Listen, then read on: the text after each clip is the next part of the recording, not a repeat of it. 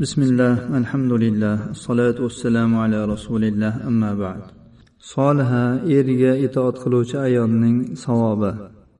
وعن عبد الرحمن بن عوف رضي الله عنه قال قال رسول الله صلى الله عليه وسلم إذا صلت المرأة خمسها وصامت شهرها وحفظت فرجها وأطاعت زوجها قيل لها ادخلي الجنة من أي أبواب الجنة شئت؟ رواه أحمد والتبراني. Abdurahmon ibn avf roziyallohu anhudan rivoyat qilinadi dedi. Rasululloh sollallohu alayhi vasallam aytdilar agar ayol besh vaqt namozni o'qisa bir oy ro'zasini ya'ni ramazon ro'zasini tutsa jinsiy a'zosini harom ishlardan saqlasa eriga itoat qilsa unga jannat eshiklaridan xohlaganingdan jannatga kirgin deb aytiladi. Imom ahmad va tabaroniy rivoyatlari hadisga sahih targ'ibot tarhibda bir ming to'qqiz yuz o'ttiz ikkinchi raqam ostida hasanun g'oyrihi deb hukm qilingan وعن انس بن مالك رضي الله عنه عن النبي صلى الله عليه وسلم انه قال الا اخبركم برجالكم في الجنه قلنا بلى يا رسول الله قال النبي في الجنة والصديق في الجنة والرجل يزور أخاه في ناحية المصر لا يزوره إلا لله في الجنة. ألا أخبركم بنسائكم في الجنة؟ قلنا بلى يا رسول الله. قال قلنا بلى يا رسول الله. قال كل ودود ولود إذا أغضبت أو أسيء إليها أو أغضب زوجها قالت هذه يدي في يدك. لا أكتحل بغمض حتى ترضى رواه الطبراني anas ibn molik roziyallohu anhudan rivoyat qilinadi nabiy sollallohu alayhi vasallam dedilar men sizlarga jannatdagi erkaklaringiz xabarini berayinmi biz ha ey rasululloh dedik u zot dedilar nabiy jannatda siddiq jannatda shaharning bir chetidagi birodarini ziyorat qilayotgan odam. U birodarini faqat olloh uchun ziyorat qiladi. U jannatda.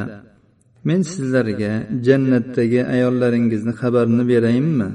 Biz ha ey rasululloh dedik. U zot dedilar har bir sevimli va ko'p farzand tug'adigan ayol agar uning g'azabi chiqarilsa yoki unga yomonlik qilinsa yoki erining g'azabi chiqarilsa u aytadiki mana bu qo'lim qo'lingizda to siz rozi bo'lmaguningizgacha men mijja qoqmayman imom tabaroniy rivoyatlari ushbu hadisga sahih targ'ibot tarhibda bir ming to'qqiz yuz qirq birinchi raqam ostida hasan deb hukm qilingan وعن حسين بن محسن أن عمة له أتت النبي صلى الله عليه وسلم في حاجة ففرغت من حاجتها فقال لها أذات زوج أنت؟ قالت نعم قال فأين أنت منه؟ قالت ما آلوه إلا ما عجزت عنه قال فكيف أنت له؟ فإنه جنتك ونارك رواه أحمد والنسائي بإسناد صحيح والحاكم وقال صحيح الإسناد husayn ibn mehsandan rivoyat qilinadi. Uning ammasi nabiy sollallohu alayhi vasallam huzurlariga bir hojati tufayli keldi. Hojatini o'tab bo'lgach ya'ni hojatidan forig' bo'lgach rasululloh sollallohu alayhi vasallam unga dedilar sen erli ayolmisan? U ha dedi. U zot dedilar eringga qanday muomaladasan? U aytdiki men qo'limdan kelganicha uning haqqini o'tashga harakat qilaman. U zot dedilar sen unga qanday bo'lishingga bir qaragin. U sening jannating va do'zaxingdir. Ya'ni sen unga qanday muomalada bo'lsang shunday jazo mukofotni olasan. Imom ahmad nasoiy hokim rivoyatlari.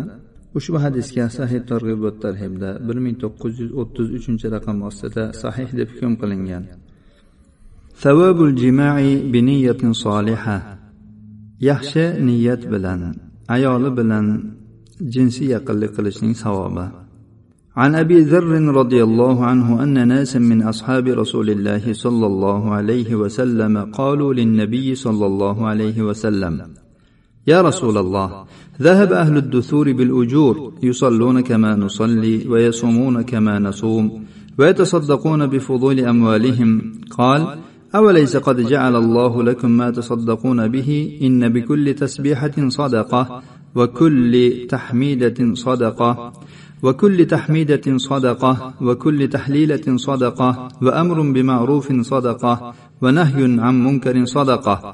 وفي بضع أحدكم صدقة. قالوا يا رسول الله أيأتي أحدنا شهوته ويكون له فيها أجر؟ قال أرأيتم لو وضعها في الحرام أكان عليه وزر؟ فكذلك إذا وضعها في الحلال كان له أجر. رواه مسلم. أبو ذر رضي الله عنه roziyallohu anhudan rivoyat رسول الله صلى الله عليه وسلم أصحاب لردن kishi u zotga dedilar. Ey rasululloh boy badavlat kishilar butun ajrlarni olib ketib qoldilar. Ular biz namoz o'qigandek namoz o'qishadi biz ro'za tutgandek ro'za tutishadi va mollarining ziyodalaridan sadaqa qiladilar. U zot aytdilarki alloh taolo sizlar uchun sadaqa qiladigan narsalarni qilib qo'ymadimi? Har bir aytilgan tasbeh sadaqa har bir aytilgan tahmid ya'ni alhamdulillah sadaqa har bir aytilgan tahlil la ilaha illalloh sadaqa amr ma'ruf sadaqa nahiy munkar sadaqa sizlarning jinsiy yaqinlik qilishingiz ham sadaqa. Ular aytdilarki rasululloh bizdan birimiz shahvatini qondiradi va ana shu ishida ham unga ajr bo'ladimi? U zot dedilar qani menga aytinglarchi agar u ana shu shahvatini haromga qo'yganda unga gunoh bo'larmidi xuddi shuningdek shahvatini halolga qo'yadigan bo'lsa u uchun ajr bo'ladi imom muslim rivoyatlari savabu man shaba shaybatan fil islom islomda soch soqoli oqargan odamning savobi عن عمر بن الخطاب رضي الله عنه قال قال رسول الله صلى الله عليه وسلم من شاب شيبة في سبيل الله كانت له نورا يوم القيامة رواه ابن حبان umar ibn xattob roziyallohu anhudan rivoyat qilinadi dedi rasululloh sollallohu alayhi vasallam aytdilar kimning ollohni yo'lida soch soqoli oqarsa u uchun qiyomat kunida nur bo'ladi ibn hibbon rivoyatlari hadisga sahih targ'ib va tarhibda ikki ming to'qson to'rtinchi raqam ostida sahih deb hukm qilingan وعن عمرو بن عبسة رضي الله عنه أن رسول الله صلى الله عليه وسلم قال من شاب شيبة في الإسلام كانت له نورا يوم القيامة رواه النسائي والترمذي وقال حديث حسن صحيح عمرو بن عبسة رضي الله عنه در رواية قلنا رسول الله صلى الله عليه وسلم dedilar kimning soch soqoli islomda oqoladigan bo'lsa bu oq mo'ylar u uchun qiyomat kunida nur bo'ladi imom nasoiy va termiziy rivoyatlari ushbu hadisga sahih targ'ib va tarhibda ikki ming to'qson uchinchi raqam ostida sahih deb hukm qilingan وعن عمرو بن شعيب عن أبيه عن جده قال قال رسول الله صلى الله عليه وسلم لا تنتف الشيب فإنه ما من مسلم يشيب شيبة في الإسلام إلا كانت له نورا يوم القيامة. وفي رواية من شاب شيبة في الإسلام كتب له بها حسنة وحط عنه بها خطيئة. رواه أبو داود والنسائي وابن ماجه والترمذي مختصرا أن النبي صلى الله عليه وسلم نهى عن نتف الشيب وقال إنه نور المسلم. قال الترمذي حديث حسن. Amr ibn shuayb otasidan va bobosidan rivoyat qiladi dedi. Rasululloh sollallohu alayhi vasallam aytdilar oq mo'yinni yulib tashlamanglar. Qay bir musulmon islomda soch soqoli oqaradigan bo'lsa bu oqlar u uchun qiyomat kunida nur bo'ladi. Boshqa bir rivoyatda aytilgan kimning soch soqoli islomda oqaradigan bo'lsa u uchun har bir oq tola uchun bir hasana yoziladi va undan bir xato to'kiladi. Abu dovud nasoiy ibn moja rivoyatlari termiziy ham buni muxtasarroq rivoyat qilganlar. Nabiy sollallohu alayhi vasallam soch soqolni oqini terishdan qaytardilar va aytdilarki bu musulmonning nuridir. Termiziy rivoyatlari termiziy hadisun hasan deganlar ushbu hadisga sahih targ'ib va tarhibda ikki ming to'qson birinchi raqam ostida sahihun lig'oyrihi deb hukm qilingan. وعن ابي هريره رضي الله عنه ان النبي صلى الله عليه وسلم قال لا تنتف الشيب فانه نور يوم القيامه من شاب شيبه كتب الله له بها حسنه وحط عنه بها خطيئه ورفع له بها درجه رواه ابن حبان abu hurayra roziyallohu anhudan rivoyat qilinadi. Nabiy sollallohu alayhi vasallam dedilar oq mo'ylarni yulib tashlamanglar. U qiyomat kunida nurdir. Kimning soch soqoli oqaradigan bo'lsa olloh har bir tola uchun u odamga bir hasana yozadi. Undan bir xatoni o'chiradi va uni bir darajaga ko'taradi.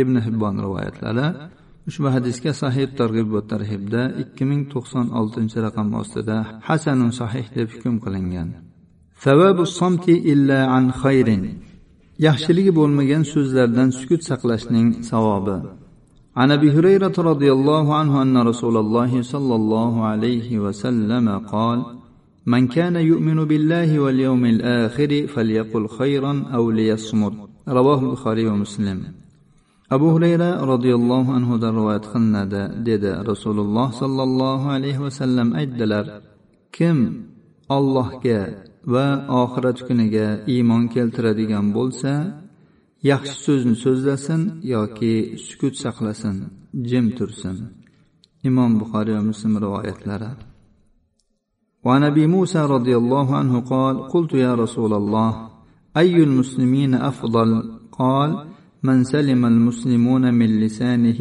ويده رواه البخاري ومسلم abu muso roziyallohu anhudan rivoyat qilinadi dedi men dedim ey rasululloh musulmonlarning qay biri afzalroq u zot dedilar musulmonlar uning tilidan va qo'lidan salomat bo'lganlari imom buxoriy va muslim rivoyatlari musulmonlarni afzali bo'lmoqchi bo'lgan odam tilini va qo'lini tiyish kerak ekan وعن عبد الله بن مسعود رضي الله عنه قال سألت رسول الله صلى الله عليه وسلم فقلت يا رسول الله أي الأعمال أفضل؟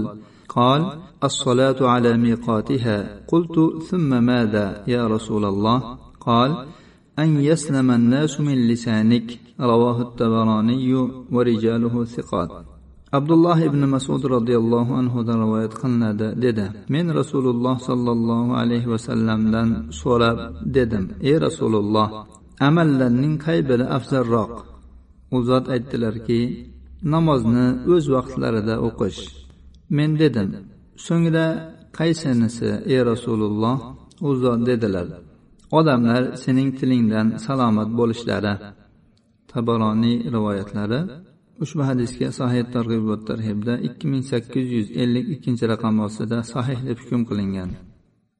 وعن الحارث بن هشام رضي الله عنه أنه قال لرسول الله صلى الله عليه وسلم أخبرني بأمر أعتصم به فقال رسول الله صلى الله عليه وسلم أملك عليك هذا وأشار إلى لسانه رواه التبراني بإسناد جيد xoris ibn hisham roziyallohu anhudan rivoyat qilinadi.